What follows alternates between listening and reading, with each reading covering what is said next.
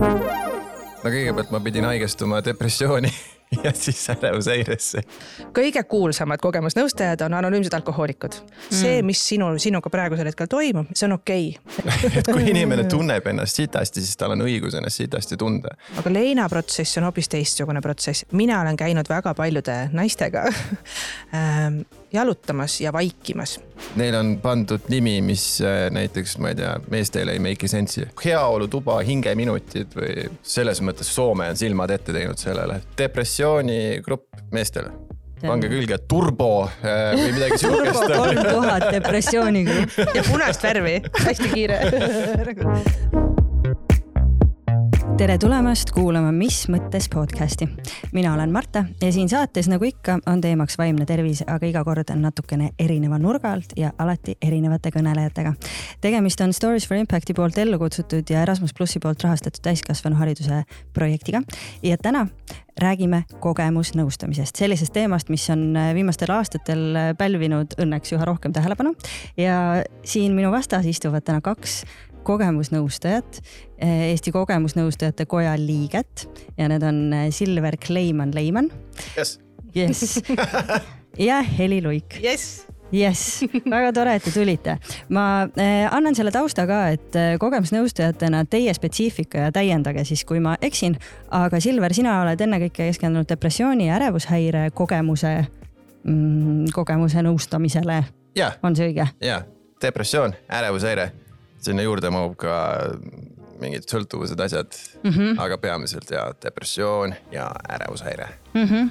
ja Heli, sinul jällegi äh, läbipõlemine, lein, äh, lapsekaotus ja ka suitsiidiennetus on need põhilised teemad, millega sa tegeled. just nii, just nii. see, mul on teile hirmus palju küsimusi, räägime sellest, mis see kogemusnõustamine üldse on, millist rolli see võiks Eesti vaimse tervise süsteemis mängida. räägime ka teie individuaalsest kogemusest äh, kogemusnõustajatena, aga ma alustaksin võib-olla sellest, et räägime kuulajatele, vaatajatele lahti selle, mis on kogemusnõustamine. Silver minu arust on kogemusnõustamine selline protsess, kus kohtuvad äh, kaks inimest. üks neist on siis inimene, kes abi parasjagu otsib mingisuguse teemaga, näiteks depressioon või, või ärevushäire. ja ta kohtub nõustajaga, kes on siis väljaõppe, väljaõppe läbinud kogemusnõustaja ja temal on siis isiklik taastumiskogemus depressioonis või ärevushäires ja ta saab olla toeks, ta saab kuulata, ta mõistab ja ta oskab ka aidata inimesel jõuda arusaamale, kuidas iseennast aidata mm. -hmm. Heli, kas sa täiendad? ja äh, ma teadsin ju, et see küsimus tuleb oht selleks, oli. ma oht olen ju selleks ometi ette valmistanud no,.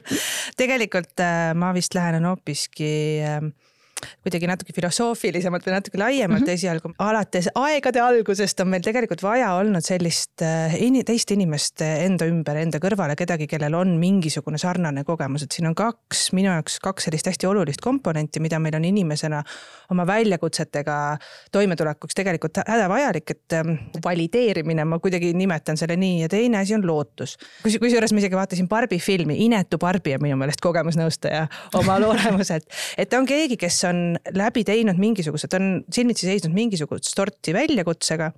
nüüd on keegi, kes on uuesti mingisuguse väljakutse ees ja ma lähen selle ma lähen tegelikult abi küsima, et kuule, mis ma teen. ma saan esimese teadmise, mis ma sealt saan, on see, et sa ei ole üksi, see on täiesti okei okay,, see on täiesti normaalne, mida sa läbi elad. ka mina olen selle läbi elanud, on veel teisigi, ehk siis me valideerime ära selle tunde, et see, mm. mis sinu, sinuga praegusel hetkel toimub, mis iganes see on, on ju, et, et see, see on okei okay. ja see annab hästi suured nagu ühest küljest nagu turvatunde, usalduse on ju, ja see annab ka selle tunde, et huh väga hea, on ju, ja meil kõigil on seda vaja ja teine asi on see lootuse osa, on ju, et ähm, seda, seda lootust ma isegi võib-olla kuidagi enda peas millegipärast võtan isegi nende vanade teadjanaiste või vana tark naine või nõid kuskil metsa sees on ju, kes annab sulle mingisuguse kotikese, et võta seda ja siis sa saad oskad lennata või oled nähtamatu või mida iganes. et tegelikult ma annan sulle selle lootuse, et see, eh, mida sa läbi elad, et sellelt, sellest on nagu nagu väljapääs või et sellega on võimalik toime tulla, ütleme siis nii mm., et ühest küljest ka läbi selle, et näed, mina elan siin ja olen sulle elav eeskuju, et selle, sellise väljakutsega on võimalik nagu toime tulla või siis lihtsalt kriisist kui sellisest on võimalik tegelikult läbi tulla. ehk et need kaks olulist komponenti on minu jaoks siukse kogemusnõustaja olemuse ähm, nagu siuksed baasid ja, ja sellepärast ma mõtlen seda ka, et jah, mul endal on nagu võib-olla väga spetsiifilised läbielamised, aga tegelikult ma saan oma baas nagu teadmiste pinnalt anda nõustamist või jõustamist hästi paljudele erinevad, ükskõik tegelikult kellele, sest seesama asi, et ma saan ju väljakutsega sellise esimese või esmaabi ma saan anda ükskõik kellele, kuna ma tean, mis nagu justkui, mis, mis loogika sellest kriisist läbi tulemises on nagu. no see on väga huvitav küsimus, et kui laialt nõustada saab, et võib-olla alustamegi sellest, et noh, juba teie pädevuses, teie kogemuses oli väga palju erinevaid äh, aspekte on ju, kahe peale kokku vähemalt äh, seitse ja võib-olla tegelikult kuskil all natuke veel on ju. Ehm, milliste väljakutsete puhul kogemusnõustamine inimest aidata võib ja mis on sellised asjad, kus kogemusnõustamist ei tohiks rakendada või kus temast kasu ei ole mulle tundub, et sellist valdkonda, kus me kogemusnõustamist rakendada ei tohiks, justkui ei olegi, aga võib-olla siuksed markantsemad näited või siuksed suuremad näited kus meil hädavajalik on see või kus mm, -hmm. kus ka kasutatakse. alustame sellest, kus ta on ikkagi. kus ta on sihuke nagu vajalik. kõige kuulsamad kogemusnõustajad on anonüümsed alkohoolikud ja mhm. tegelikult ta võib-olla toob sellise noh, minule endale alati jube hästi ka illustreerimaks selle, et kuidas üks hea või selline tõhus kogemusnõustamine justkui võiks olla, sest seal on see grupitunnetus hästi oluline, on ju. Need kaksteist sammu, see deviis on ju, et seal on selline, et on nagu suurem selline väljakutsega toimetuleku koht on ju. Ehm, teine hästi oluline osa on haiglate juures, kõik kliinilises süsteemis ka ollakse väga palju. mis see tähendab kliinilises süsteemis? kui me siia korraks selle ajaloo juurde tuleme, et selle psühhiaatrilise diagnoosiga siis inimeste ravis on kasutatud hästi palju ka kogemusnõustajaid. et äh, noh, sealt on justkui siis selle haiglate juures olemisega nagu ka alguse saanud ja seda tegelikult äh, mujal maailmas ka suhteliselt palju rakendatakse ja ka mm -hmm. meil on seda, et sa oled, ähm, on nagu justkui sihuke nagu sellise süsteemi osa. näiteks Soomes on see jube hästi rakendunud. kui sa räägid kliinilisest süsteemist on ju, siis äh, lisaks sellele me teie mõlema puhul siin tulid esile, üks on vaimse tervise väljakutsed, mis võivad olla püsivad. Äh, teine, sinul oli sellised konkreetsed kriisisituatsioonid, lein, lähedase kaotus, lapse kaotus ähm, lisaks me teame, et kogemusnõustamine võib olla oluline, ma ei tea, saades raske diagnoosi näiteks.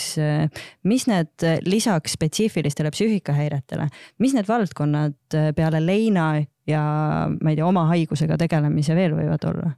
operatsioon noh, neid, neid võibki lugema jääda. tõsi jah, aga loe on, mulle veel natuke. Neid on, neid on sadu, kui mitte tuhandeid. tõesti jah? et alustades äh, psüühikahäiretest, minnes siis edasi näiteks äh, selliste abstraktsemate teemade juurde, nagu näiteks ongi läheduse kaotus, sõltuvused, lein, seesama läheduse kaotus on ju.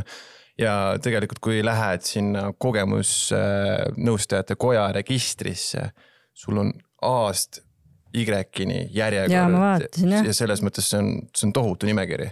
okei okay., äh, aga kas on mõni selline valdkond ka, kus kogemusnõustamise rakendamine on kuidagi riskantne või kuidagi eriti nõudlik, ma tean, et sõltuvushäirete koha mm. pealt, sina oled sõltuvushäirete osas ikkagi ka, nagu sa ütlesid, sul on teatav kogemus ka sellega oh,.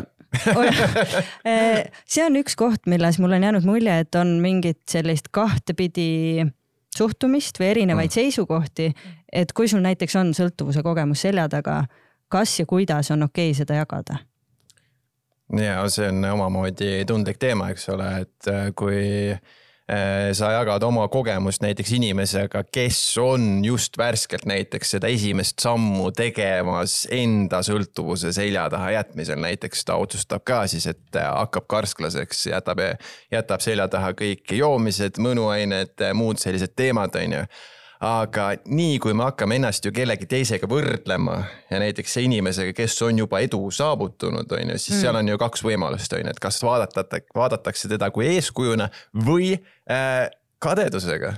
et sa oled nagu nii kaugele jõudnud ja kuidagi sul on kõik kätte tulnud, aga siis ma ise olen nagu siin esimese päeva juures, ma ei tea, kas ma õnnestun, on ju. aga mina, kui ise selle teekonna läbi teinud, on ju, saan alati pakkuda tuge, saan alati olla nagu see nõustaja või, või siis see inimene, kes just ei kritiseeri, et hea küll, kui sa esimene päev ebaõnnestud, on ju. sinu ülesanne on järgmine päev uuesti proovida, eks mm -hmm.. muuseas, tegelikult äh, siin on selles mõttes hästi huvitav nüanss minu arust sees, et äh, noh no ütleme siis nii, et teadusuuringud näitavad meile seda, et kogemuslugude kasutamine äh, nii söömishäirete kui ka näiteks uimastisõltuvuse või üldse sõltuvusravi puhul, siis tegelikult see on noh, e, e, e, ma ei taha öelda alati, aga pigem on ta selline kahjustav, sellepärast et see mõjub eduloona pigem. ehk siis seesama asi ja eriti söömishäirete puhul ka, et seda, kui me räägime seal näiteks ka jällegi haiglaravist on ju, et siis see esimene osa on see, kus isegi grupi, gruppi ei viida inimesi või ei lubatagi, et see ei ole isegi nagu selle söömishäirete ravi osa ei ole, on, on teadlikult see, et kõigepealt tegeletakse selle inimesega eraldi, on ju, isegi suhteliselt kliinilises, kliiniliste inimeste ja professionaalide poolt kogemusnõustaja saab seal kõrval olla selle ravi äh, nagu toetamiseks või jõustamiseks on ju ja sarnane loogika on ka uimastisõltuvuse puhul tegelikult ka ja, ja alkoholisõltuvuse puhul täpselt samamoodi, et need anonüümsed alkohoolikud näiteks. Ähm, nad on ikkagi ühel hetkel, kui sa oled juba selle otsuse teinud, et ma tahan saada paremaks mm, -hmm. et äh, tegelikult selle nagu nagu ravi osa, ma nagu jälle ütlen, et ma räägin nüüd äh, mitte isiklikust kogemusest, vaid lihtsalt sellest, mis ma olen lugenud ja kuulnud, on ju teiste, teiste käest, et tegelikult see mõjub jah, just selle eduloona pigem selliselt ja selles, just selles võtmes eduloona, et aga näed sina ju praegu siin elad, et olid küll üledoosis ja sul oli hullult raske ja mida kõike veel, on ju, sa räägid oma väga keerulise loo, aga mina olen ka sama. et see nagu pigem nagu... kaotab selle ohutunde potentsiaalselt ära, et see on see, see, see ellujää, ellujääja bias, mis, kuidas eesti keeles ellujääja siis äh, nagu viga. jah, jah, et me, me, me nagu äh, usume teda, et aga sina oled ju ellu jäänud, mina olen sama eriline kui sina, me keegi ei usu, et mina olen nüüd see, see, kes ka nüüd libastub või mm. see on inimlik, et ma usun, et mina saan ka hakkama kõikide asjadega, eks ole ehk okay. siis justkui noh, et, et seal, seal ta on, aga, aga seal on just see ka, et äh, üks on see kogemusloo jagamine versus see kogemusnõustamine on ju, et kogemusnõustaja saab igal juhul olla teekonnal abiks. Ähm, sellise tõlgina on ju, nagu sa ise ka räägid, et vaata seda, sa saad olla jõustaja just ja see just seda poolt nagu ma toetan sind sinu teekonnal. mitte, et ma ei räägi sulle, oh mina, minul oli nagu sihukene sõltuvusprobleem ja ma sain niimoodi hakkama, on ju, et. no ja sellega tuleb alati see tunne mängu, et kui keegi ütleb, et äh, näe, mul oli ka kunagi kehvasti, on ju, siis äh, see kuidagi tahab nullida selle inimese hetke probleemi ära. Mm.. aga inimesel, kuidas me võime, kas me võime ropendada ka või kuidas? minu poolest küll. Et kui inimene tunneb ennast sitasti, siis tal on õigus ennast sitasti tunda. Mm.. et sa ei tohi talt võtta ära seda tunnet ka. Mm., sest minu arust on see tervenemise üks osa, kus sa võtad ju vastu nii hea kui ka halva enne kui me läheme sellesse spetsiifikasse sügavamalt, räägime teie väljaõppest, räägime selle elukutse, kutse piiridest. Ehm, tutvustame teid endid ka ja seda, kuidas te kogemusnõustaja rolli juurde ise jõudsite. Silver, kui tohib alustada sinust. no kõigepealt ma pidin haigestuma depressiooni ja siis ärevushäiresse. aga kui nali kõrvale jätta, siis äh, eks äh, selline sügav igatsus ja samal ajal ka tunne, et eh, millestki on puudus, siis kui ma ise abi otsisin. Mm.. et kui ma ise käisin eh, psühholoogi juures, psühhiaatri juures eh, läbi siis haigekassa rahastuse muidugi on ju, siis mul oli tihti selline tunne, et ma ei näe, kus ma asun et kas ma nagu teen edusamme, kus on see nagu see nii-öelda see sirge ja mägi ja kus ma nagu parasjagu asun seal et kui ma vaatasin enda digiloosse neid arsti sissekandeid, on ju, siis no need ei öelnud mulle mitte midagi. ja mul oli tegelikult ka enda ju tervenemise käigus päris mitu tagasilangust, et mul oli kolm tagasilangust, kuni ma lõpuks jõudsin sellisesse punkti, kus ma tahtsin iseendalt elu võtta. Ja siis see viimane laks nagu aitas mul aru saada, on ju, et tegelikult kui väga ma tahan elada. Ja siis see omakorda andiski selle suure tõuke tervenemise suunda, et tuli muuta, tuli muuta hästi palju asju, sest see, kes ma olin enne, seda inimest ei saanud enam hoida, sest muidu ma kogu aeg langengi sinna auku tagasi. Mm. Ja siis need edusammud, äh, kui hakkas see eluisu tagasi tulema, kui hakkas tervis paremaks minema, see nagu viiski otsingutele, et äkki annab selle eduga midagi teha, on ju ja siis äh, mulle tutvustati sellist asja nagu kogemusnõustamine. ma kohe laksti kirjutasin kõikvõimalikesse kohtadesse, kus seda, kus seda koolitust tehakse ja, ja siis äh, Tallinna Vaimse Tervise Keskuse kaudu ma saingi kogemusnõustajate koolitusele sisse. Õppisin peaaegu kolm aastat isegi ja, ja siis äh, nüüd kaks tuhat kakskümmend alates olengi nõustaja kaks tuhat kakskümmend ja enne seda veel kolm aastat õpet, nii et äh, sul yeah. on ikkagi väga pikk see teekond tegelikult olnud jah? yeah. mm., et äh, see nagu andi- või noh ma tundsin jah, et on millestki puudu ja siis, äh, kui ma olen ise nüüd inimesi nõustanud, siis nagu üks kõige parem tunne on see, kui sa näed, et inimesel on see sära silmadest täiesti kustunud ja see sära hakkab tagasi tulema vaikselt, siis see näitab, et nagu sellega on võimalik midagi ette võtta ja midagi mm. teha ja, ja just seda diskussiooni suurendada ja et ei hoia just nagu enda sisse ei mataks ära neid teemasid, et, et sa võid rääkida ja sa võid abi küsida. ja, ja minu ülesanne on ka see, et anda nagu inimesele teada, et kus ta nüüd asub oma teekonnal, nii palju, kui ma seda muidugi teha saan mm. -hmm. just. ja see on väga oluline, tean seda samamoodi ka oma kogemusest, et see mis, millega iganes me rinda pistame, et ega ka ühegi diagnoosi saamine, ühegi vastuse saamine ei ole sirgjooneline teekond, on ju, vaid seal on hästi palju samme. ja tõepoolest kätt iseenda pulsil hoida on kohutavalt keeruline. aga Heli, kuidas sinu taust sind selleni tõi? Äh, minul sündis surnud laps kaks tuhat kakskümmend üks aasta suvel ja siis ma lihtsalt rääkisin sellest niimoodi avalikult ja siis ma rääkisin sellest ühes saates ja siis pärast seda juba siis tuli mulle sedasi, et äh, kuule, et kogemusnõustamine on sinu tee, et mine kindlasti ja õpi ja sa pead tegelema sellega ja siis ma, ma tegelikult ei võtnud sellest üldse kinni ähm,. Kuni ma jäin uuesti rasedaks ja siis uuesti raseduspeetus kuskil poole peal seal ja siis ma mõtlesin, et okei okay,, ma vist ikka pean nagu võtma selle teekonna tõepoolest ette, sest mm. ma nägin jälle, et me ei, minu probleem peamiselt on see, et kõikidest nendest teemadest justkui noh, vaata nii keeruline teema, lapse kaotus, surm, lein la la la et äh, mis vaakum tekkis sellega minu enda ümber, et ma tundsin, et mul on vaja seda tõlkimist või mul tundus, et nagu ühiskonnal on vaja natuke nagu. jah, ma võtsin ja kohe, et mina pean nüüd ühiskonna nagu paremaks muutma.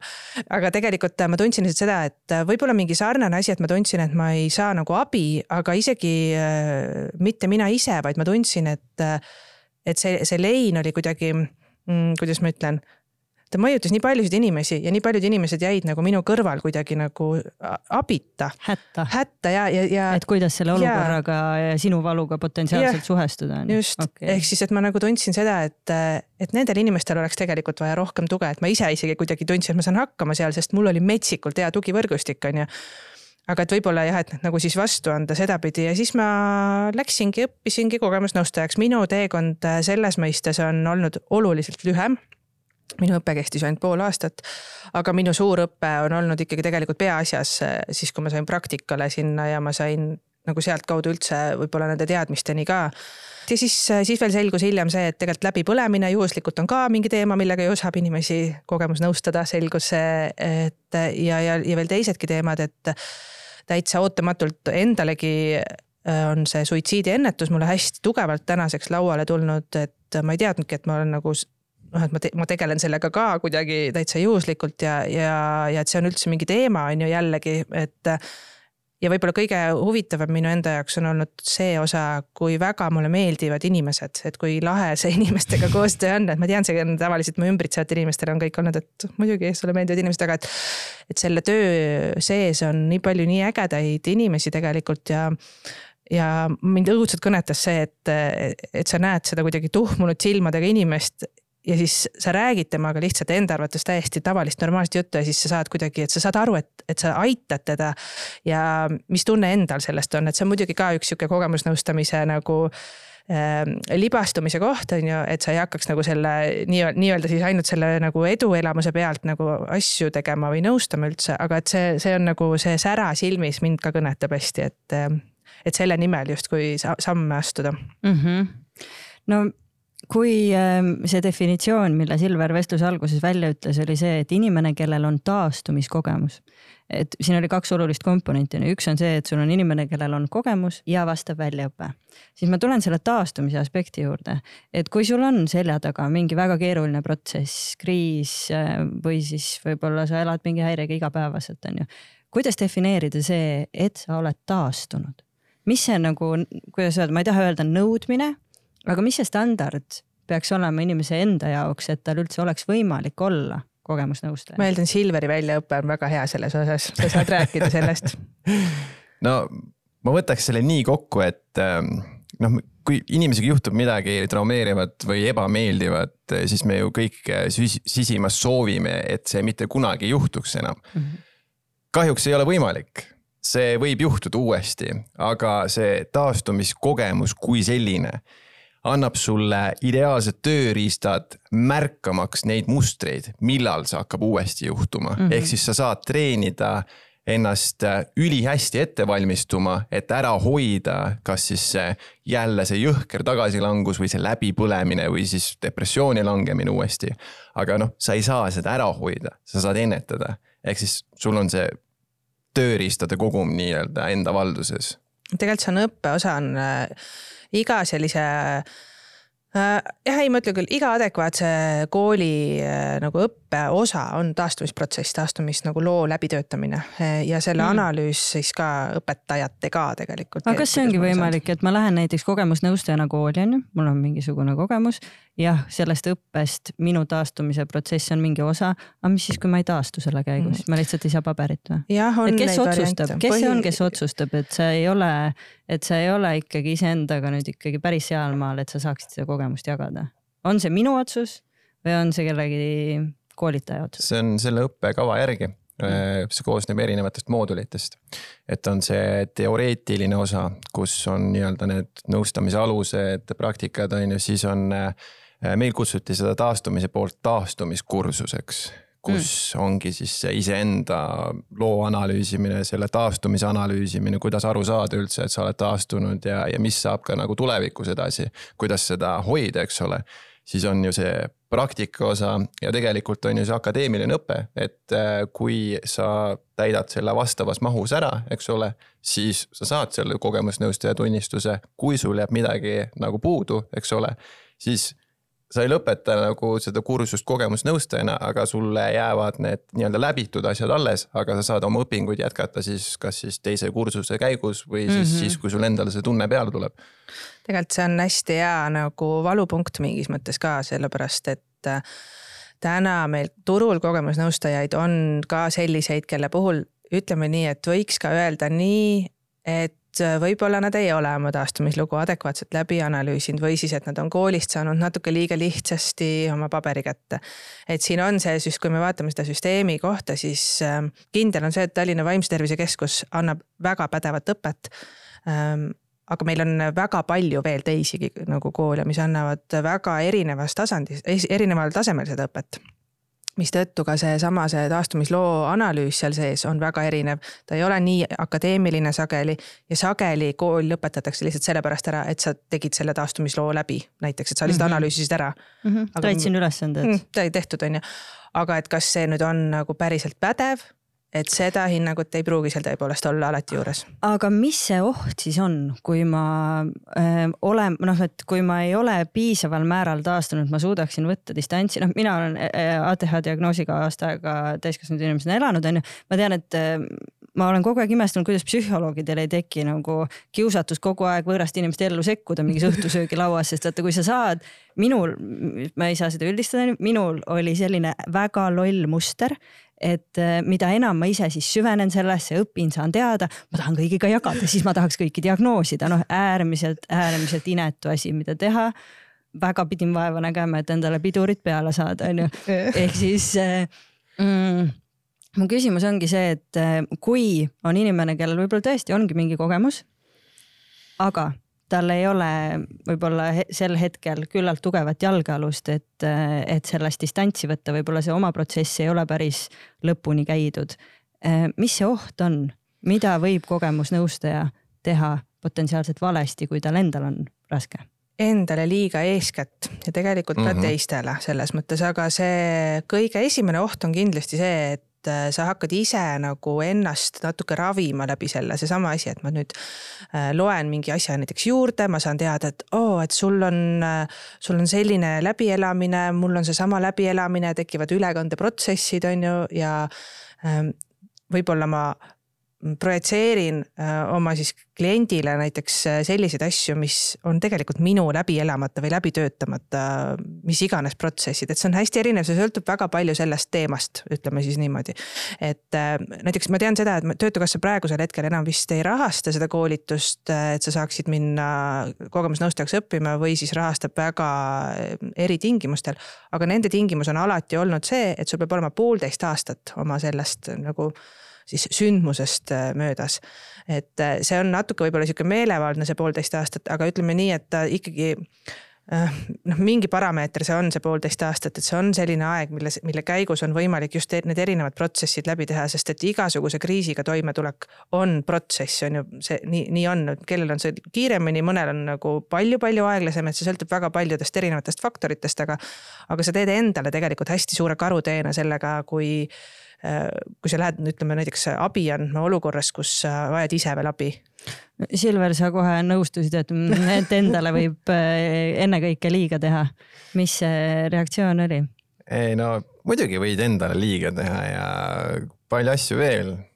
tähtis on see, et sa oleksid enda vastu aus ja, ja õnneks nagu ma olen nagu läinud seda teed pidi ise, et mul on ju ka see supervisioon olemas, et äh, kui ma tunnen, et mul on mingi case või, või klient on ju, kus ma tunnen, et ma ei liigu edasi või liigun paar sammu tagasi, on ju, siis ma saan arutada enda, enda grupis seda, eks ole. ja, ja siis seal nagu saan ma ka adekvaatset tagasisidet, on ju, et eh, kas ma ise käitun õigesti või ma peaks eh, siis eh, hoopis nagu ise tagasi astuma ja samas. ega ju ma ei saa kõiki aidata ka, see on kindel, et ma ei ole nagu selline imeravitseja nüüd on ju, või siis see universaalne lahendus mm, -hmm. et ma üsna kiirelt tegelikult saan aru, millal ma ei saa enam aidata inimest.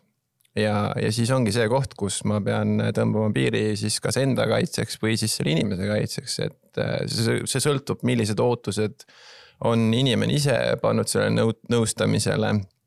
ja kui sa ju tajud ära, et äh, tegelikult rohkem ei ole midagi anda, siis, siis sa ju võid ei ka öelda, et mm -hmm. nüüd on minu töö siin tehtud ja, ja ma oskan soovitada nüüd ainult järgmisi samme, mida võiksid teha. see on super näide sellest, et inimene on oma taastumisprotsessi väga hästi läbi töötanud, et sul on nagu teada selles mõttes, et on täitsa tõsiselt, sest et need samad asjad, et see minu meelest on see väga hea eeskuju et ma loodan, et teisedki kogemusnõustajad kuulavad, et kas ma ja võib-olla küsime endalt ka, et kas mina oskan alati selle piiri tõmmata, et nagu sa räägid ka, on ju, see on hästi-hästi oluline, et ma saan aru, et ma tegelikult ei saa sind enam aidata mitte sellepärast tingimata, et sind ei oleks võimalik enam aidata näiteks.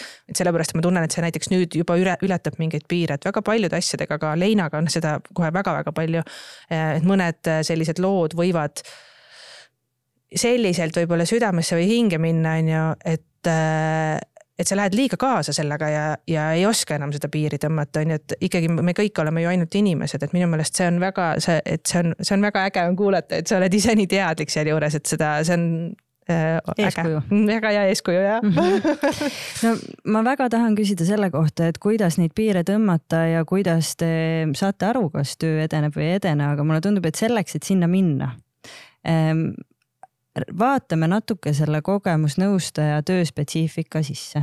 ütleme, et mina tulen, Silver, tulen sinu juurde, mul on ka depressiooni kogemusega, ütleme, et mul oleks depressiivne episood, ma tulen sinu juurde. millest sa alustad? Millest sa kogemusnõustajana alustad, kas sa küsid minu kohta, kas sa räägid enda kogemusest, sest et ma olin väga üllatunud, kui ma sain aru, et te tegelikult endast väga palju ei räägigi, kui ma mõtlen kogemusnõustaja, siis mina oletaksin, ma oletaksin, et te ainult jutustate mulle, et mul oli selline lugu ja ma tegin niimoodi. mina arvasin, et see on see. Ja ma saan aru, et see on väga, noh, ma ei tea, aga et ma saan aru, et see on ikkagi üks väga õõnes arusaam kogemusnõustamisest, et mis see protsess tegelikult on, mida sa minuga alustad? ma tahaks kõigepealt sinu ootustest teada mm., eh, millised ootused sa minule sead ja, ja mis, mis sa soovid üldse selle nõustamise käigus, eh, et oleks see soovitud tulemus mm. -hmm. ja. no ma tulen, ütlen, tahan depressioonist välja tulla. just ja siis ongi, mida see sinu jaoks tähendab. mm. -hmm. seda, et ma ärkan hommikul lihtsasti üles, jõuan ilusasti tööle ja saan eluga rahuldavalt hakkama. hästi, ja kuidas see praegu on? nüüd ma peaks juba hakkama leidma.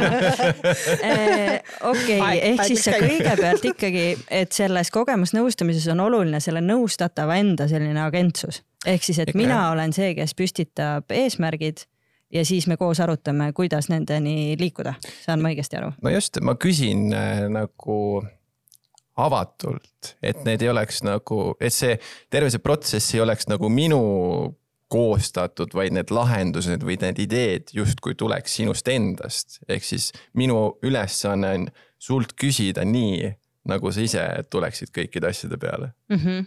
ma, ma vaataks seda niimoodi nagu lihtsustatud võtmes okay.. aga mul oleks ka vaja nagu teada sinu kui siis selle abiotsija mul on vaja kaardistust, ühesõnaga, ma tahan teada, kust me jõuda tahame, millal me jõuda tahame. aga te olete sisuliselt coach'id nagu? ja, aga ma võin sulle on kohe, on küll väga palju coach'i sarnast ja see, seda, seda, kusjuures väga paljud kogemusnõustajad ka lähevad coach'iks õppima, aga mm. ma tegelikult äh, toon siia kõrvale kohe näiteks leinanõustamise, mis on peaaegu et äh, täiesti teistsugune nagu protsessi mõistes. sest leinanõustamise puhul on äh, mina olen käinud väga paljude naistega ähm, jalutamas ja vaikimas mitte midagi tegemas ja leina, vaata leinaprotsess on ka väga palju selline, et ma lihtsalt olen koos, on ju. ja, ja lihtsalt, sest et ma räägin, see, see ongi sellepärast on see kogemusnõustamine võib-olla nii huvitav, sest siin on selle sees on nii palju erinevaid teemasid, on ju, et meil on väga keeruline seda standardiseerida. et tõepoolest läbipõlemisega, kui me räägiksime läbipõlemise teemadest, see oleks praktiliselt sama asi, davai, paneme sulle nüüd äh, eesmärgid, mõtleme koos läbi, kelle, kes on veel need inimesed, kellega koos sa võiksid mingeid asju teha, kas perearst, vaatame veel süsteemi sisse, kas me saame sind suunata mõõta kuidagipidi. Ehm, kõik need asjad on ju, aga leinaprotsess on hoopis teistsugune protsess või seal väga... on ka väga palju raskem eesmärke seada on ju. seal noh, sest et tegelikult sul ei olegi mingeid eesmärke mm, -hmm. praktiliselt on see, et äh, ja seal on väga palju tagasilangust, on ju, selles mm -hmm. mõttes ka seda, seda osa, et seal kõrval olla ja, ja üks võib-olla selline leinaprotsessi puhul huvitav osa on ka see, et äh, leinas ollakse sageli nagu tugivõrgustikuga koos.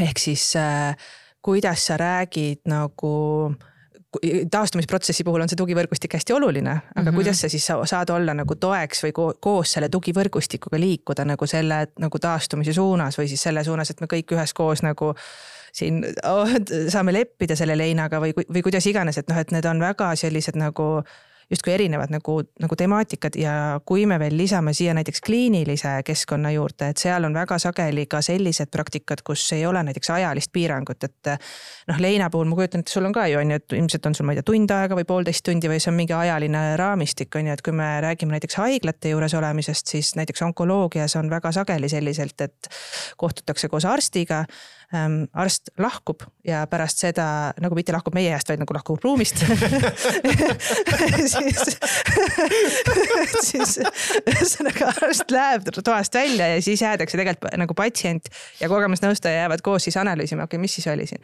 ahah, okei okay,, sa pead valmistuma selliselt, mis sul segaseks jäi, kas sul jäi midagi segaseks? noh, muu maailma juurest võetuna on ka see, et kogemusnõustaja läheb veel küsib arsti käest, kuule, äh, sa ütlesid talle, et ma ei tea, tal läheb veel kaks nädalat või et ta peaks nagu neid ravimeid võtma, oled sa kindel, et need ravimid on õiged või et kas need nagu, miks sa neid just panid, et ta aitab nagu tegelikult selliseid küsimusi küsida. ja see ei pruugi üldse olla selline ajaliselt raamistatud. ehk siis vaata see, see nagu kohtumine on nagu täpselt selline justkui eesmärgistatust ajalise piiranguga konkreetsest kohtumisest. kui näiteks Töötukassa ju rahastab ju sind kümme korda on ju, kümme korda saab kohtuda mõnikord on vaja ainult üks kord mõne, noh, et see on nagu täiesti sihuke seinast seina olukord. väga individuaalne mm -hmm. protsess, sõltuvalt inimesest, sõltuvalt sellest protsessist, mida ta läbib ja sõltuvalt sellest, kas see protsess lubab üldse eesmärke või on ta natuke teistsugune. jah mõtle, kui suur pinge, sa pead kümne korraga terveks saama. nii, tagasi tööturule. hästi tuksis on see tegelikult. nii, ühesõnaga ma saan aru, et teil on mõlemal huumorimeel oma koha peal. kasutan kohe võimalust ja küsin, et kogemusnõustamise protsessis, millist rolli äh, huumor mängib, sest et see on selge, et see, see võib olla väga hea toimetulekumehhanism ja eks tihti inimesi, kes on sarnast äh, valusat kogemust kuidagi jaganud või mõistavad üksteise valusat kogemust, olgu need kiirabitöötajad või inimesed, kes on koos leinanud, on ju, et neid tihtilugu ühendabki ka selline must huumor või võime teha nalja mingil sellisel tasandil, mis võib-olla kõrvaltvaataja jaoks võib tunduda võõras, isegi hirmutav. Ehm, kui teie kohtute oma klientidega, eh, mis rolli huumor selles suhtes mängib, kui palju te saate endale lubada ühiselt nalja tegemist, kui tundlikud need protsessid on, kas on ka selliseid, mis välistavad igasuguse huumori? see, oi oh, ei tea, mis küsimus kusjuures ma ei saa sulle öelda mingisugust äh, üldistavat või keskmist, sest iga inimene on nii pagana erinev lihtsalt mm. -hmm. mõnega on see nõustamine selline ülitõsine, üliformaalne. Mõne inimesega sa saad vabamalt suhelda. aga jällegi ilmselt see taandub ka sellele, millise mulje sa endast soovid jätta et ikkagi, mida ma olen tähele pannud nüüd nende nelja aasta jooksul, on see, et eh, no ma ei saa muutuda liiga familiaarseks mm., sest siis see nõustamisprotsess eh, muutub kuidagi vähem tõsiseltvõetavamaks mm.. et ma pean ikkagi säilitama võtme professionaalsuse osas. Mina... mingi sellise autoriteedi yeah. mõõtme ikkagi, sest selle peal on siis usaldus nii palju kuidagi või? ja sõlt-, kuigi jällegi ilmselt ka sõltub teemast, aga minu meelest see enesehoid seal sees äh, on hästi oluline nagu faktor. et aga teine asi on ka see, et äh, ma ei tea, mulle tunduks sedapidi, et see on selle kliendi juhtida hästi palju, kui tema on väga nagu sihuke nalja nagu nina on ju, siis ikkagi tuleb kaasa minna sellega, aga jällegi sedapidi, et see, et et sa ei anna nagu sedasi, et oh, mina viskan siin hullult nalja sulle, see on hästi mugav ja hästi mõnus oleks sinna minna, on ju. ma vaatasin, et Kogemusnõustajate Koja kodulehel on eetikakoodeks, kus üks punkt oli, et kogemusnõustaja ei tee, ei esine mm. -hmm. ja ma mõtlesin, kas te tohite siia saatesse tulla Faa. esinema või et. kusjuures, kusjuures ei, mina olen seda küsinud. mida see ei esine tähendab, kas see tähendabki siis iseenda Just. oluliseks mängimist ja. selles nõustamisprotsessis või? mina olen seda kusjuures küsinud kohe, sest et mm. ma lugesin ka selle läbi ja küsisin kohe, et mis, mis see tähendab, et nagu ma, mina raudselt hakkan esinema esinema, come on, vaata, ehk siis nagu käima esinemas. aga, aga esi, ei esine tähendab jah seda, et ma ei esine nagu nõustamis nagu keskkonnas protsessis, pluss noh, vaata, äh, kui me räägime grupinõustamisest, siis on see hästi oluline, et ma ei hakka seal, mina kui see Heli Luik, sinna annan teile grupile nüüd äh, show. hakkad seda gruppi tajuma publikuna? jah kogemusnõustajatel on selline piibel, mille nimi on Aita ja vari, mis siis on nagu see, on nagu natuke sihuke kohustuslik raamat, aga tõesti, tegelikult see on äh, üldse sellise kõikide aitajate jaoks mm -hmm. oluline raamat. sihuke õhuke raamat räägibki sellest sinu varjust on ju, sellest, et mis on need nii-öelda need ohukohad sellisel üsna filosoofilisel tasandil, aga aga paneb nagu mõtlema selle üle, et, et, et seesama see, see osa, et see on, see on üks nendest varjudest, et sa hakkad siis esinema või hakkad seda ähm, aidatavat või aidata vaid mm -hmm. ära kasutama enda nagu huvides aga kasutangi võimalust, et küsida, kui me seda eetikakoodeksit korra puudutasime ja teie väljaõpet, mis nagu ma aru saan, koosneb tegelikult nii paljudest erinevatest äh, aspektidest. Äh, ma kujutan ette, et selle väljaõppe käigus ähm, noh, on väga palju protsesse, mis ka endas käivituvad ja väga palju äratundmisi. mis teie jaoks oli selle väljaõppe juures kõige ma ei tea, kõige suurem üllatus? kõige suurem üllatus või? See, kui sa jõuad sinna kursusele ja vaatad, kui palju inimesi veel on olemas, kes soovivad sellega midagi teha, et mm et järsku sa ei olegi nagu samamoodi nagu see abiotsija enam üksinda, vaid sa oled nagu osa mingisugusest kommuunist, eh, kes soovib kuidagi anda ka oma panuse, et kas siis inimene, kellel on mingi vaimse tervise mure, saaks kuidagi kiiremini tagasi iseendaks ja, ja teine nagu see üllatus oli see, et ähm, kui palju ikkagi langeb iseendale see vastutus, et, et sa terveks saaksid mm.. et, et see ei ole nagu psühholoogi tee sind terveks üksinda, psühhiaater ei tee sind terveks üksinda, kogemusnõustaja samamoodi, ei ravimid, vaid, vaid see, see ikka enda vastutus on seal ikka päris suur. see oli minu jaoks nagu Vau! et ei olegi võluvitsa yeah.. Mhm.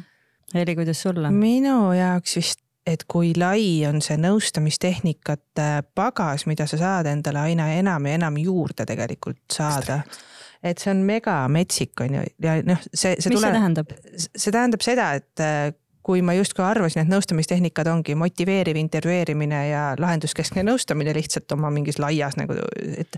et tegelikult see, see on väga-väga lai ja, ja just äh, tänu Leina nagu teemale minu elus ma olen aru saanud sellest, kui palju mul on ikkagi veel juurde võimalik õppida ja ennast hästi palju arendada, sest leina spetsiifika on niivõrd äh, võib-olla äh, noh, ongi leinanõustamine on ju täiesti, täiesti eraldi nagu temaatika niikuinii on ju ja, ja ta on palju-palju laiem, et tegelikult öeldakse isegi, et ainult selle kogemusnõustaja baasõppe pealt äh, leinanõustamist teha on äh, sellises nagu pikas protsessis praktiliselt võimatu.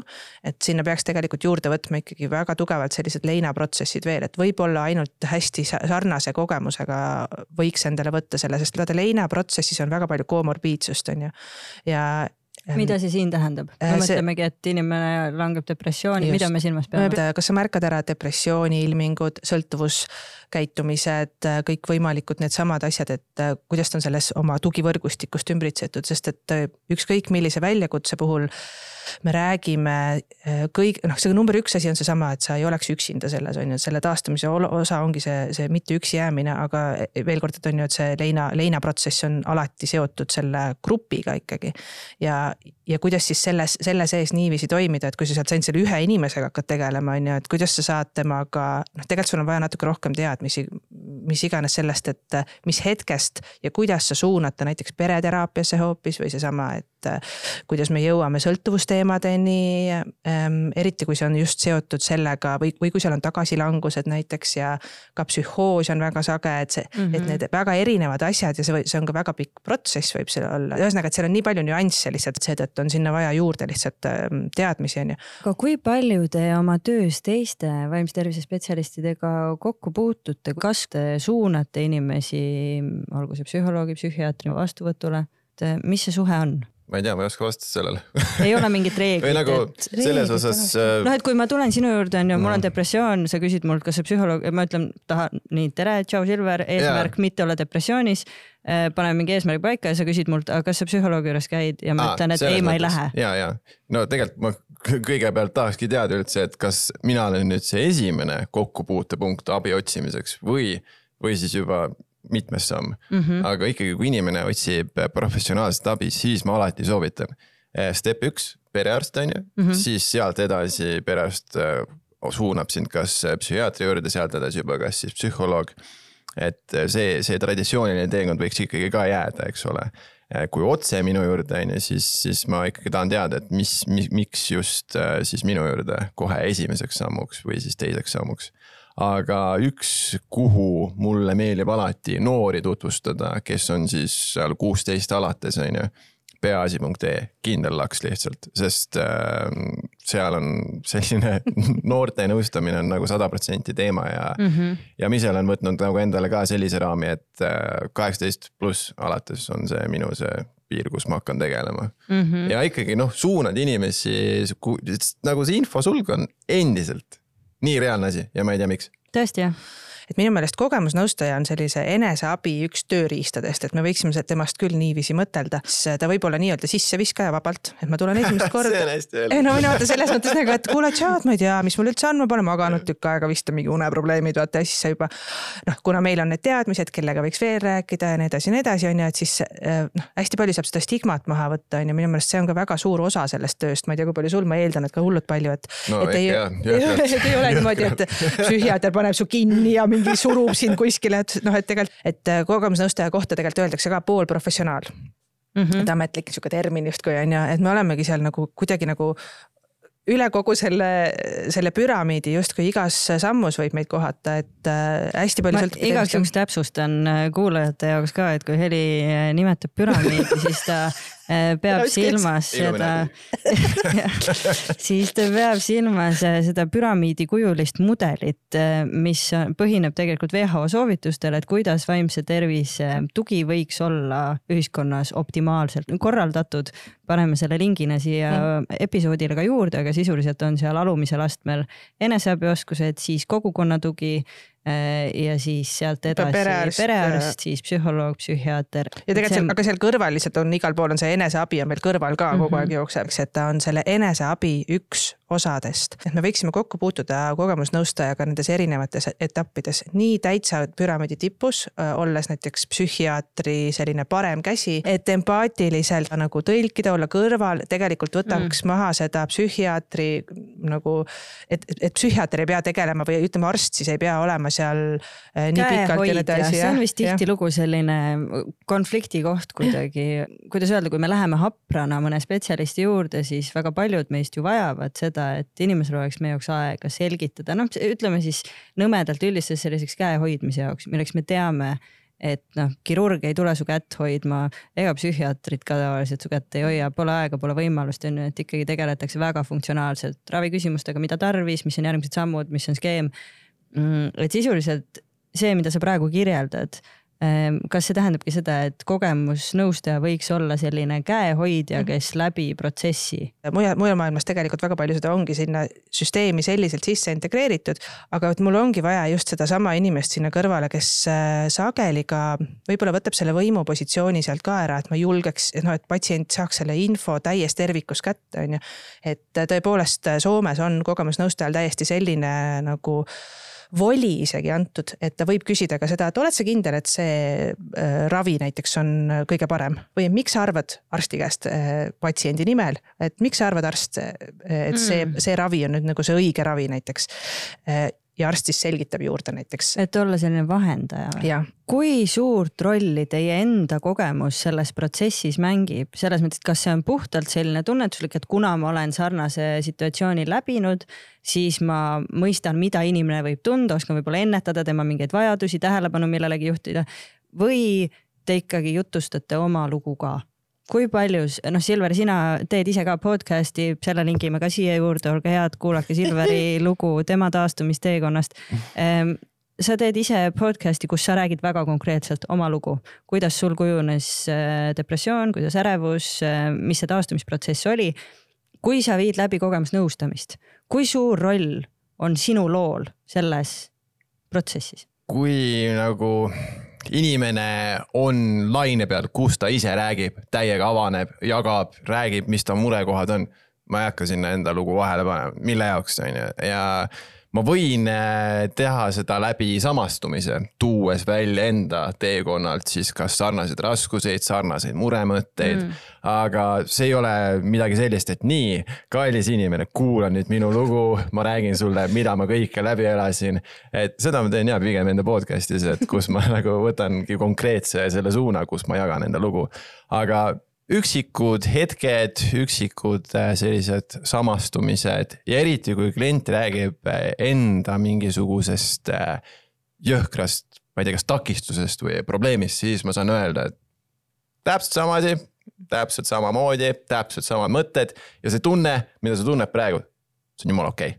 Mm -hmm. see on seesama see valideerimise koht yeah. on ju, et see tegelikult nagu see, mulle tundub, et see annab hästi, jube kiiresti annab selle usalduse kohe nagu kätte, et oh, ma tean, et sa tead, mida ma tunnen ja ma tegelikult ka tean, mida sa tunned, vaata. et keegi saab ja, aru, mida sa ja. räägid. ilma sõnadeta sa oled ka nii tundnud ma ei lähegi hulluks yeah.. aga see on üks väga oluline seesama yeah., et kas ma üldse, kas minu reaalsustaju on adekvaatne yeah.. See on mingi asi, mis mida ma olen ise ka kogenud, et sa ei teagi, kas ma iseennast üldse saan usaldada, kas need noh, et kas ma, kas see kõik on üldse kuidagi ratsionaalne praegu et see on hästi, ma mõistan väga hästi seda valideerimise aspekti. sest sulle varasemas keskkonnas on öeldud võib-olla, et äh, imelik oled või mm, -hmm. või, või ma ei tea, hulluks hakkad minema mm -hmm. või mm -hmm. tugivõrgustik hästi sageli ütleb, et kuule ole nüüd. ei ja, ole nii ju.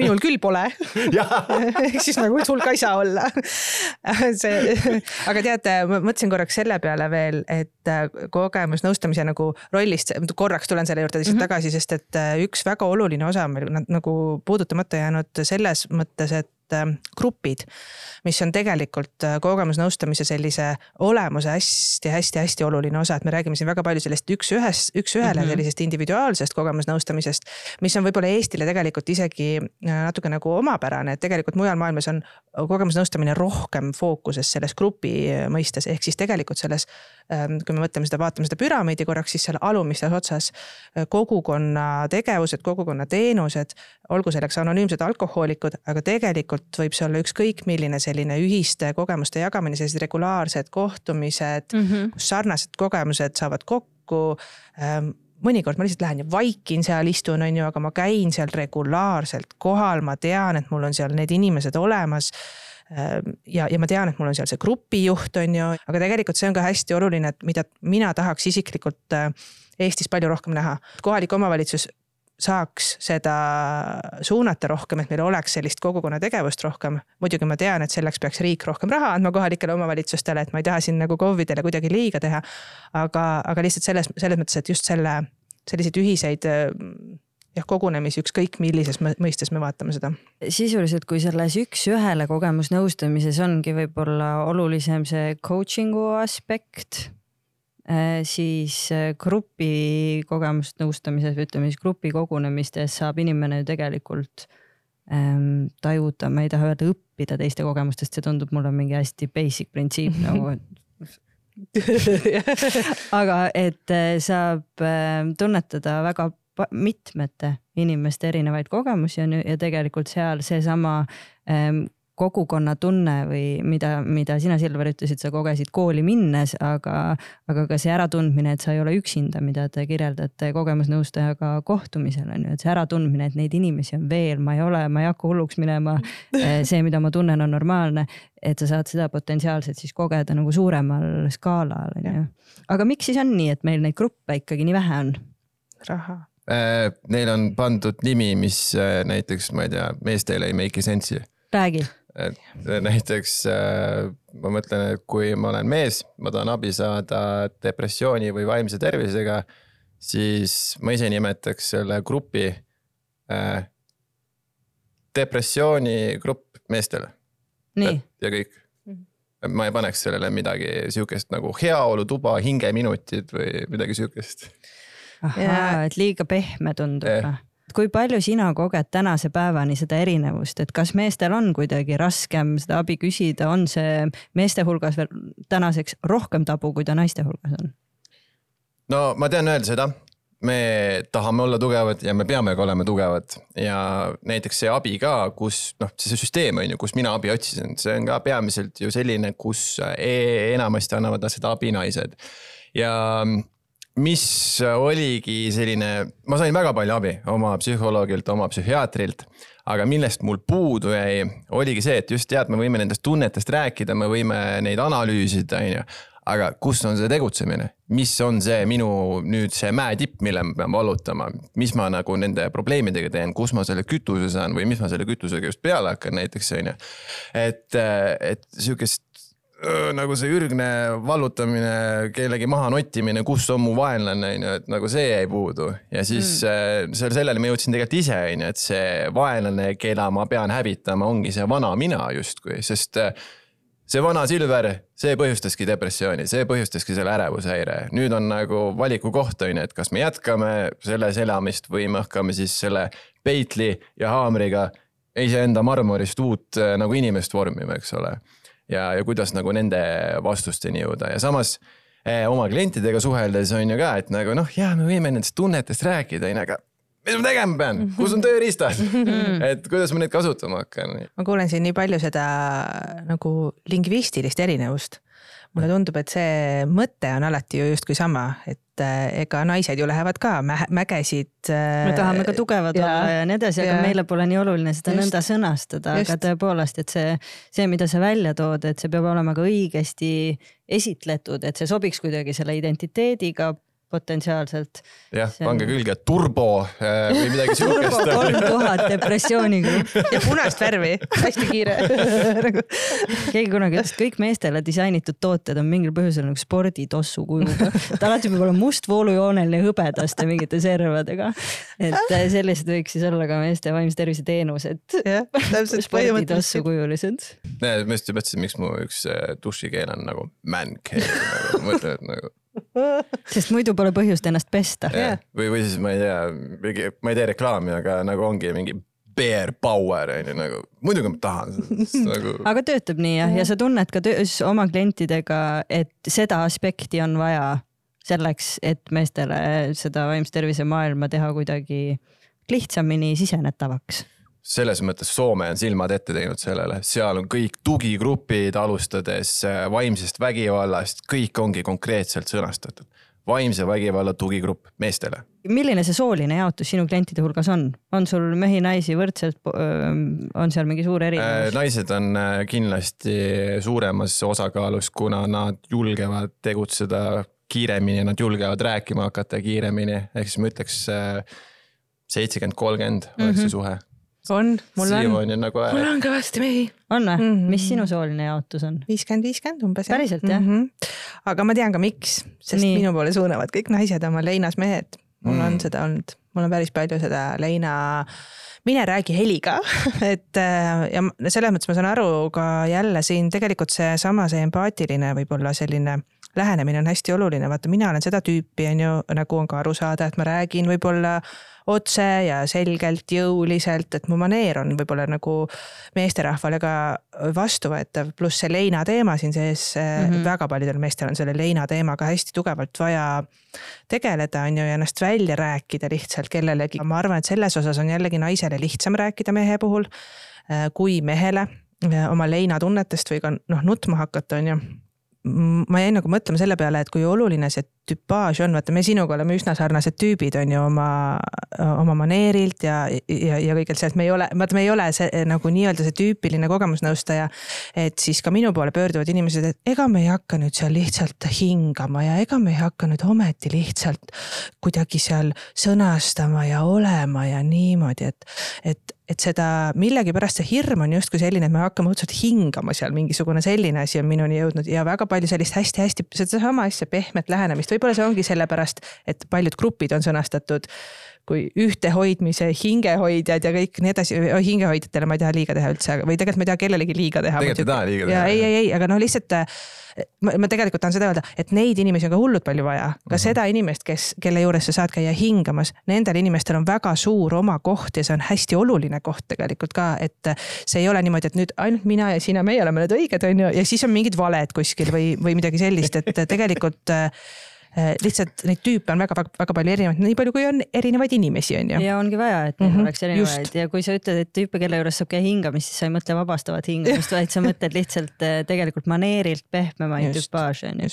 aga ma saan tõesti täiesti aru, et äh, et ähm, inimene potentsiaalselt pöördub kogemusnõustaja poole või üldse ka vaimse tervise spetsialistide poole olles äh, kahtlemata hapras seisus ja tundlikkus on oluline absoluutselt iga spetsialisti või ka poolprofessionaali poolt. küll aga see tundlikkus võib tähendada inimeste jaoks väga erinevaid asju ja et maneer ei ole see, mis defineerib tundlikkuse tingimata. jah, kindlasti. Äh, noh. Vau, see on hästi öeldud. Ei no ma mõtlen lihtsalt, Heli ütles ka, vaata kohe, kui sa ütlesid, et oo, me oleme sinuga ühte tüüpi, ega me ei tea, võib-olla Silver, Helit ma tunnen kaua aega, aga sa ei tea, mis kameeleon on Silver, kuidas ta võib kohaneda oma kliendi järgi ja, ja, ja võtta kindlasti. täiesti erineva vormi vastavalt selle, noh, sest et ma kujutan ette, et ideaalne kogemusnõustaja on ikkagi inimene, kes suudab väga hästi lugeda inimest enda vastas, mõista tema vajadusi ja võtta siis selle anuma rolli nii-öelda see, ma räägin sellest vibe'ist ja sellest maneerist ja sellest, sellest osast äh, puhtalt sellepärast, et see on tegelikult selle spetsialisti ja ka kogemusnõustaja valimise juures hästi oluline, et kelle juurde ma lähen ehk siis kelle juurde ma julgen minna, kelle juurde ma mm -hmm. saan teha selle otsuse, et äh, okei okay,, ta tegelikult ilmselt on adekvaatne mind kuulama, mis iganes põhjusel see on ja üks osa sellest kindlasti on ka see, mm, et mis, ma ei tea, mismoodi ta on rääkinud varem või milline ta pildi pealt tundub, on ju. või kuidas ta mingeid asju on kirjutanud, et tegelikult äh, need on hästi olulised osad, et see marketing nii-öelda või turundus siinjuures äh, on väga-väga oluline. et ma julgen öelda, et see on sellepärast isegi võib-olla olulisem kui näiteks professionaalse teenuse puhul sellesama asja pärast, et ma ei saa neid, ma ei saa oskuseid panna kirja, et ma ei saa panna kirja, et ma olen jube hea kuulaja. et noh, see nagu me kõik ütleme, et me oleme kõik jube head kuulajad, sest see on meie väljaõpe, on ju. aga, aga mis need muud asjad on, mis meid ühendavad, on ju. erinevatele inimestele võivad sobida väga erinevad tüübid ja see on jumalast okei okay,, esiteks, ja teiseks ka väga okei okay on või väga normaalne ja ma tahan kuidagi hästi julgustada tegelikult inimesi sinna ka, et kui või noh, seda ma ise ütlen ka muidugi alati oma kohtumistel, et see on väga okei okay,, kui sa tahad kellegi teise poole pöörduda. et kui sulle tundub, et me näiteks ei klapi, et see, see on täiesti normaalne, et sa lähed, otsid kellegi teise, kellega rääkida, ma tean, et see on hullult tüütu ja raske. mitte okay. üksi, ma ei taha teda üksi jätta, on ju, selles mõttes siin ei ole ka see, et ma ei taha, et mine ära, aga noh, et see on. ei, mõistan täiesti. ma tahan teilt ühe küsimusena ikkagi küsida selle, et mis on need asjad, mida kogemusnõustaja kunagi ei tee ja mida te oma praktikast näete, et sul on oht hakata vahel tegema Mm. aga mis on need asjad, kuhu, kus teie päriselt praktikutena tajute, et vot seda ma ei tohi, seda ma ei tohi, seda ma ei tohi. siis, kui sinusse ära kiindutakse, Mm -hmm. nagu selles mõttes kiindutakse, et Mhm. sind hakatakse vaatama kui nagu potentsiaalset äh, kaaslase kandidaati. romantiliselt nagu. kuidas sellises olukorras käituda? piir tuleb tõmmata, et äh, kui nagu näiteks ise tunned, sa ütledki, et mulle tundub, et äh, siin nagu enam ei ole tegu nagu lihtsalt nõustamisprotsessiga, vaid mul on mulje jäänud, et siin on juba nagu kas siis kiindumine või klammerdumine Mm. et kui me jäämegi selle juurde, siis me ei saa sind nagu edasi aidata. et Mm. äh, jah, ja ma pean nagu siis ütlema ei. et te katkestate selle Mhm. koostöö, ütleme nimetame seda nii Jah. mm. -hmm.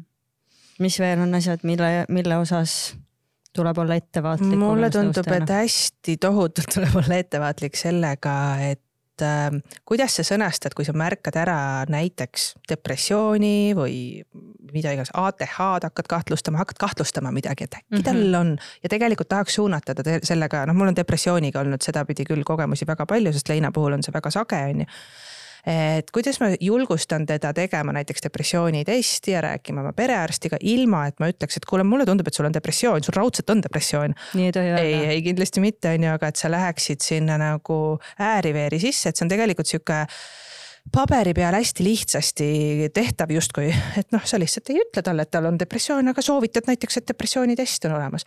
aga inimesed on nii erinevad ja võtavad seda väga-väga erinevalt, selle sees on metsik stigma, selle sees on väga tugev hirm. ja sinna tuleb väga ki- kiiresti pead ära tajuma võib-olla selle ka, et mina muutun kuidagi, see võimupositsioon tekib väga tugev ja siis minu sõna mõjub nii kaalukana, ütleme siis nii mm.. et, et isegi kui ma ütlen, et kas sa oled mõelnud sellele, et sa prooviksid selle depressioonitesti teha või oled sa rääkinud perearstiga ka nendest asjadest või et kas sa tead, et on olemas nagu, et, et, et see, et sa praegu ei ole mitu nädalat järjest näiteks äh, tundnud rõõmu kordagi, kui me räägime näiteks seal või midagi sellist, et kas sa tead, et tegelikult sellel on olemas ka ravi, on ju. või et see ei pea nii olema, et siis see mõjub sellisena, et ma nüüd olen ta ära diagnoosinud, on ju, ja nüüd ma, nüüd ta hakkab, noh, ongi seesama asi, et see hirm äh, lendab väga kiiresti sinna kohta, et mind pannakse nüüd kuskile haiglasse kinni, et see endiselt kuskil sees on inimestel olemas.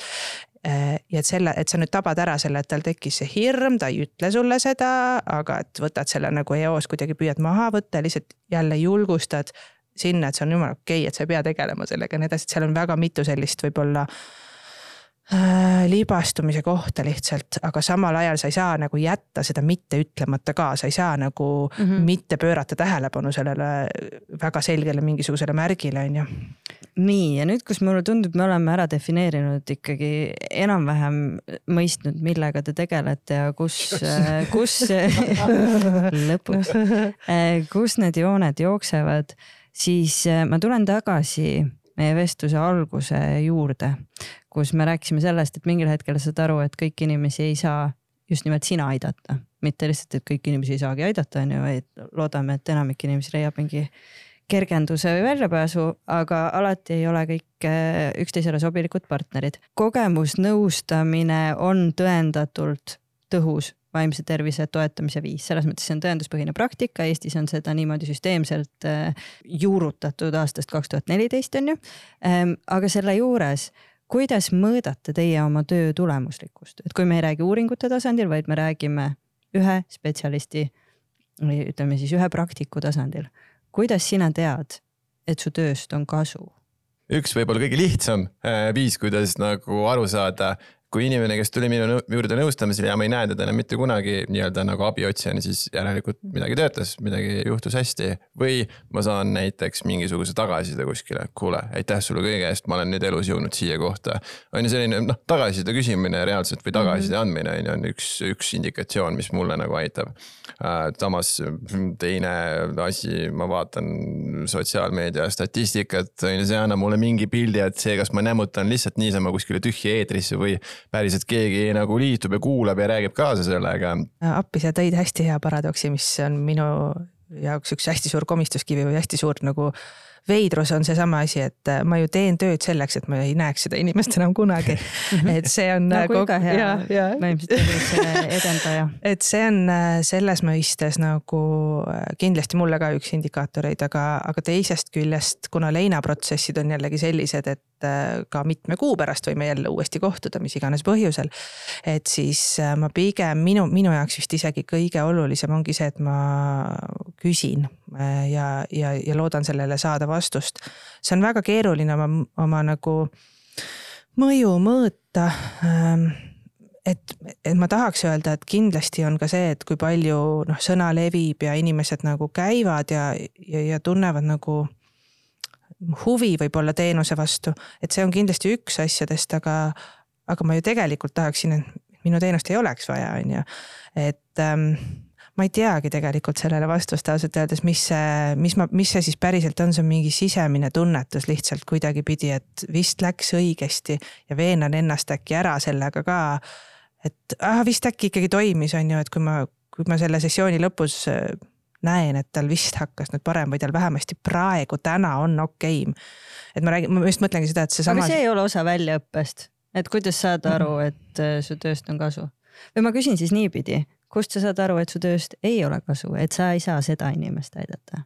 et teie kogemus, teie töö siin praegu ei ole see, mida see inimene vajab. tekib see grammofoni plaadi efekt mm, -hmm. et sa oled andnud edasi kõik äh, nipid, kõik trikid, kõik tööriistad.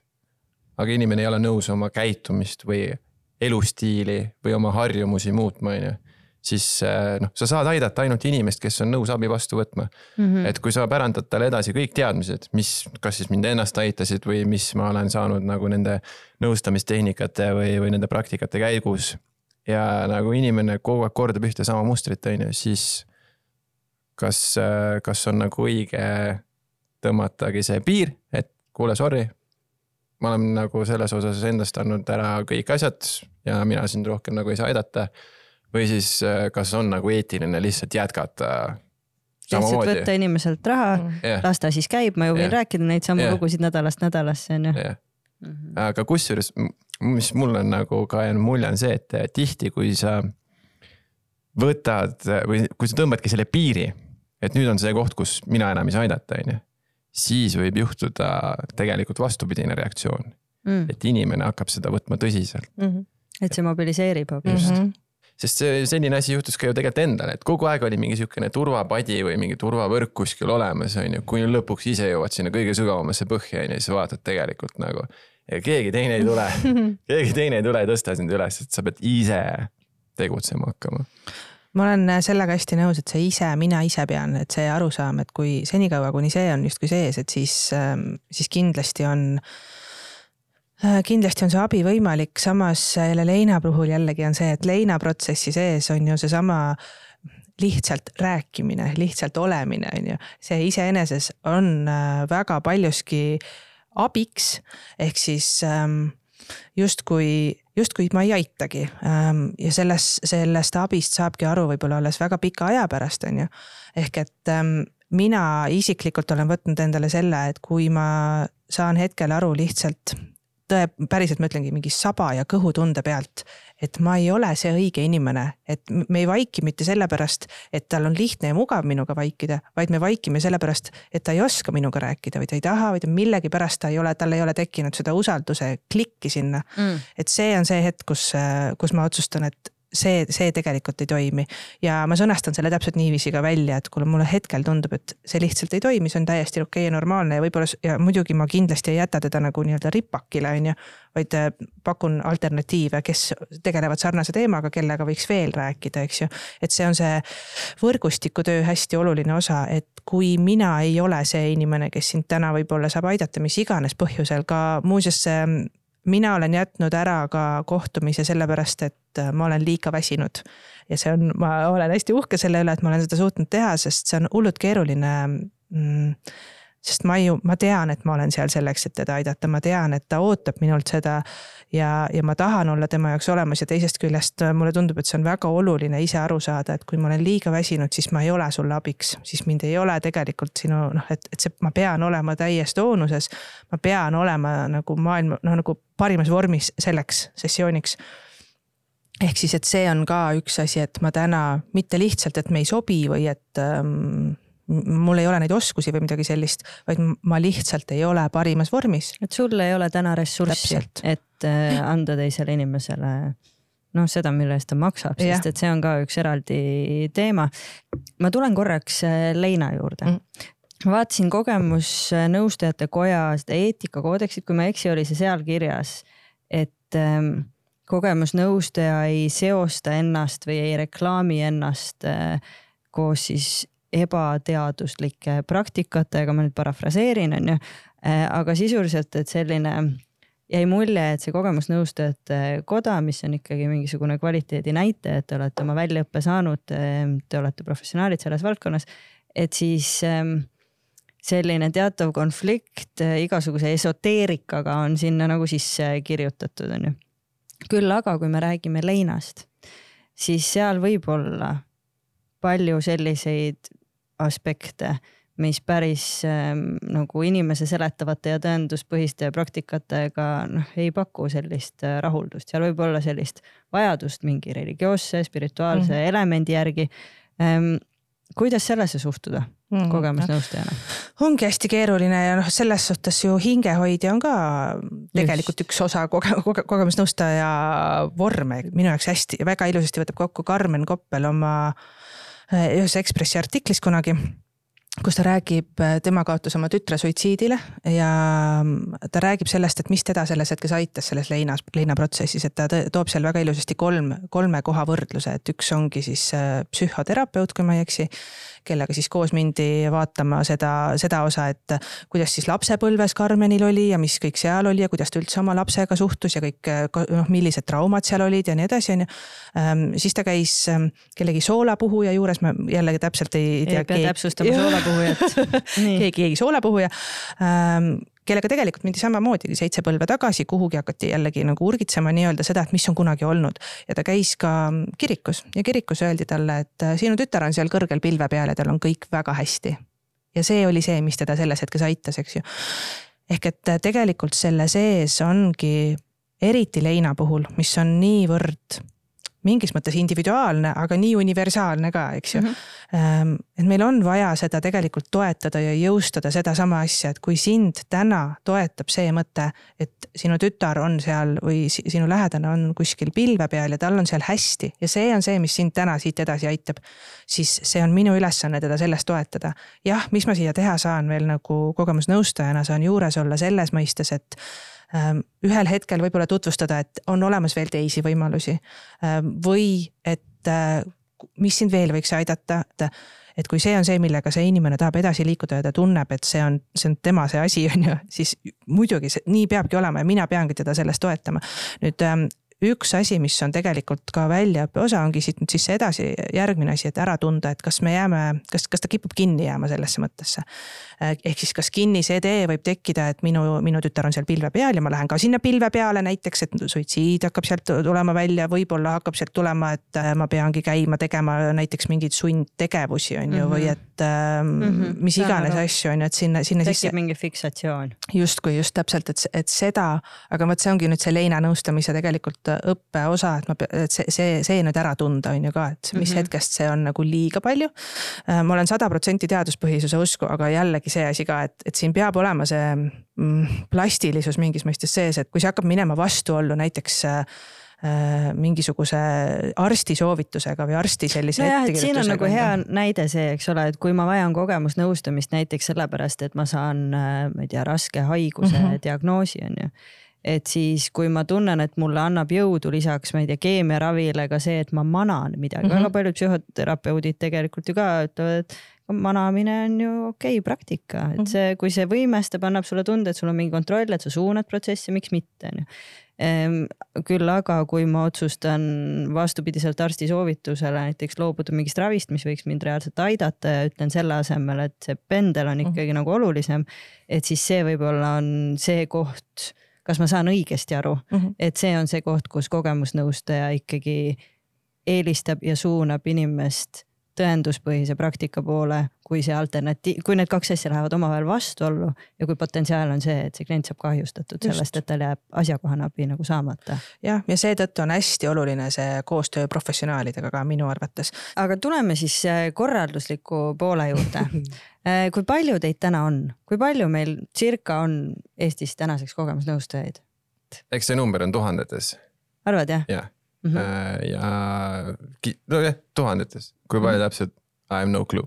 Mm -hmm. mina tean, et ko kogemusnõustaja koja listis on viissada üks inimest, kõik ei ole aktiivsed ja aa, vot, jah, siin on see on see, see igaüks, kellel on väljaõpe, ei Jah. ole tingimata praktiseeriv jah. jah, ja et neid, ma, ma, mina julgeks isegi öelda, et ma arvan, nagu selliseid inimesi, kes tegelevad igapäevaselt reaalselt kogemusnõustamisega.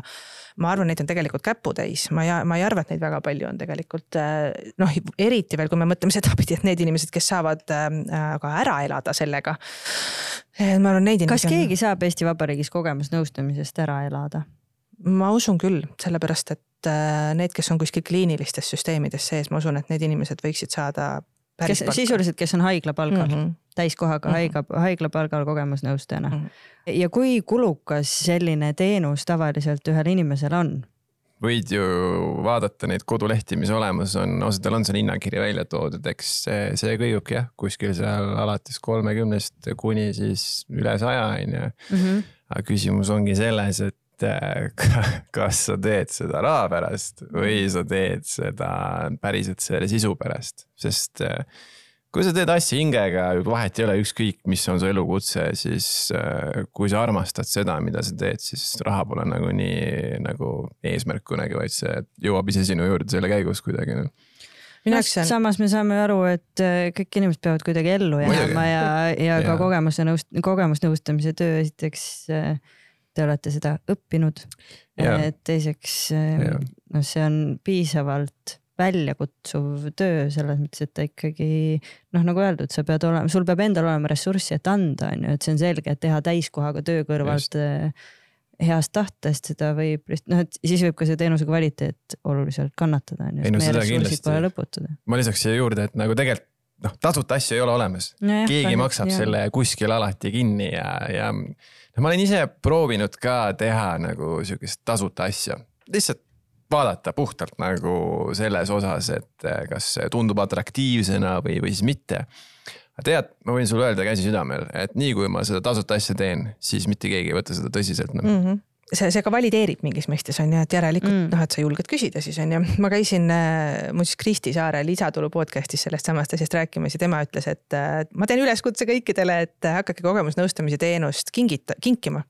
Ja ma olen täiega nõus sellega, minule on äh, väga mitu olukorda olnud sellist, kus on ikkagi nii veider on küsida seda raha, nii veider, sellepärast et sul on. siis ongi veider, kui sa teed selle veidraks aga sul on inimene, kes on äsja kaotanud oma lapse ja, ja ta on ise ülisegaduses, ta isegi ei tea täpselt, mida tal täpselt vaja on. see, see teenus iseenesest selles hetkes ei tohikski olla selline esiteks ajaliselt piiratud, ta peaks olema ähm, palju sellisem, kuidas ma ütlen, laiem vaata ja nii edasi. no aga on... samas väga reaalne küsimus piiride tõmbamisest. ega sa kogemusnõustajana, sa ei saa selle inimese perekonda ära asendada, selles mõttes, noh, ma ei usu, et kasutegur üldse kasvaks. Mina ei usu, mitte et mul oleks andmed sellest, et sa oled temaga siis kakskümmend neli tundi päevas koos, et see, et sellel teenusel on mingisugused piirid ka selle inimese jaoks, siit edasi ma lähen oma tavalise elu juurde tagasi, ma sain siit mingit tuge, ma püüan seda integreerida.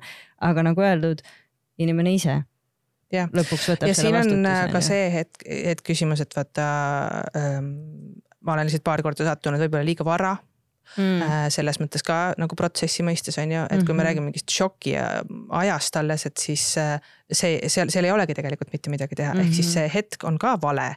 seal peaks olema võib-olla keegi teine hoopiski süsteemist haiglavoodi nagu... ääres raha küsida mm. võib tõesti olla ja. endale konfliktne. ja just, et, et lihtsalt selles ees. tervitused USA-sse.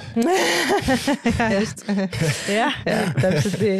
ei no printsiibis ma olen sada protsenti nõus, et see on äh, teenus, mida sa tarbid, on ju, ehk siis sa maksad selle eest adekvaatselt, on ju see, muidugi loomulikult ma olen sellega nõus, lihtsalt neid hetki on päris mitmeid, kus ma tunnen, et selle eest võiks maksta keegi teine, sest et okay. et ma võiks olla kas süsteemis sees esiteks või ongi, et keegi on kinkinud selle teenuse selliselt, et see um, jah, kuidagi, kuidagi ma, ma olen seda, mina olen lihtsalt tõesti mitu korda selle, selle otsa nagu kuidagi takerdunud niimoodi, okei okay.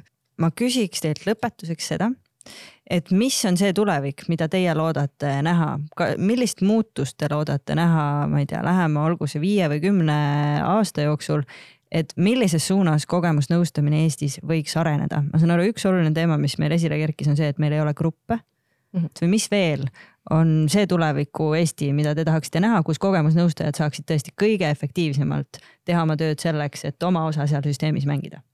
kutse Äh, mis on ka töös tegelikult.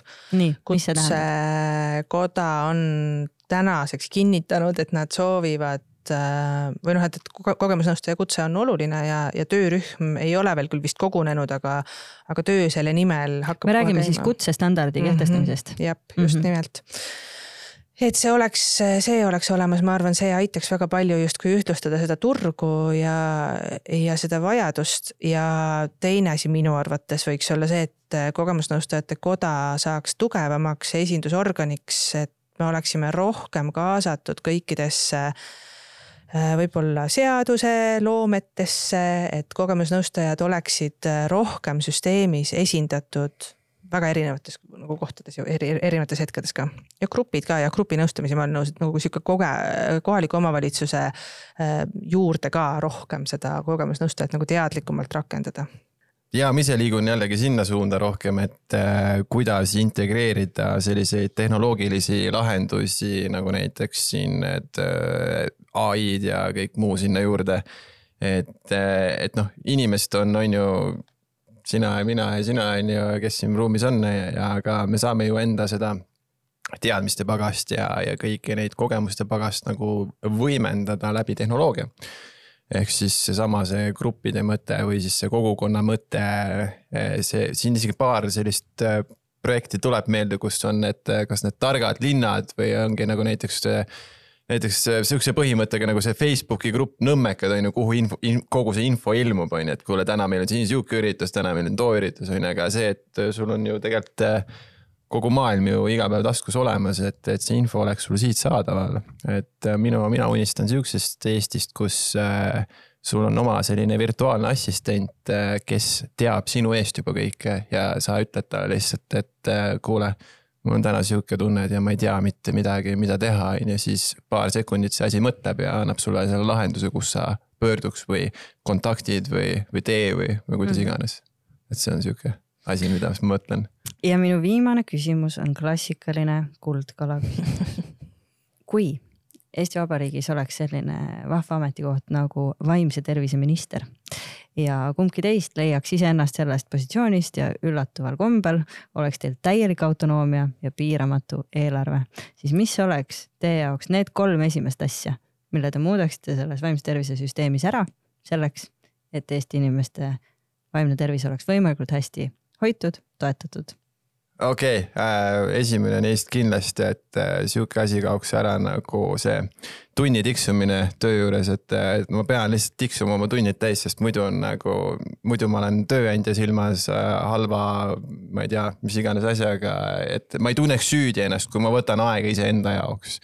Et see aeg iseendale peab olema üks põhiprioriteetidest, sest nagu me laeme oma seadmeid kogu aeg, on ju, peame iseennast ka laadima. Mm. Äh, nii piiramatu eelarve oli ka, on ju.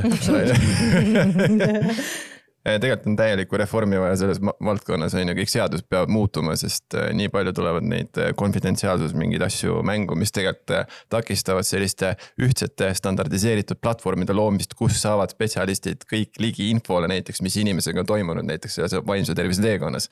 et see kuidagi kiiremini korda saada, üksmeelsusele jõuda. ja kolmandaks äh, siis oleks selline teema, et äh, no igal inimesel on, on ju õigused, on ju, et tal peaks olema ka õigus äh, vaimsele tervisele ja ta peab, tal peavad olema kõik võimalused selle jaoks ka, et, et see saavutada, et. näiteks kui mul tuleb depressioon, on ju, ma võtan haiguslehe pika, on ju, et sellest nüüd ma, et ma et depressiooni asemel seda, selle ravimise asemel, et tun, ei tunneks süüd ennast, ma pean tööle tagasi minema, mul on laenud, mul on mingid kohustused, Mm. on ju. et see kapitalistlik kuidagi lähenemine muutuks nagu inimese terveks tegemise nagu lähenemiseks või midagi sihukest. mm. -hmm. inimese keskseks. jah, see no nii, Heli. minu kõige suurem murekoht üldse vist on see, et meil on need enesehoiu ja eneseabioskused nii madalad ja ma tahaksin, et meil oleks väga-väga palju asju juures, et jälle siit samast podcast'ist muudkui ma nopin nii palju häid mõtteid kogu aeg, aga seesama see DKT äh, süsteem, mis on USA-s koolidele, ma tahaks, DKT, äh, dialektilise käitumisteraapia.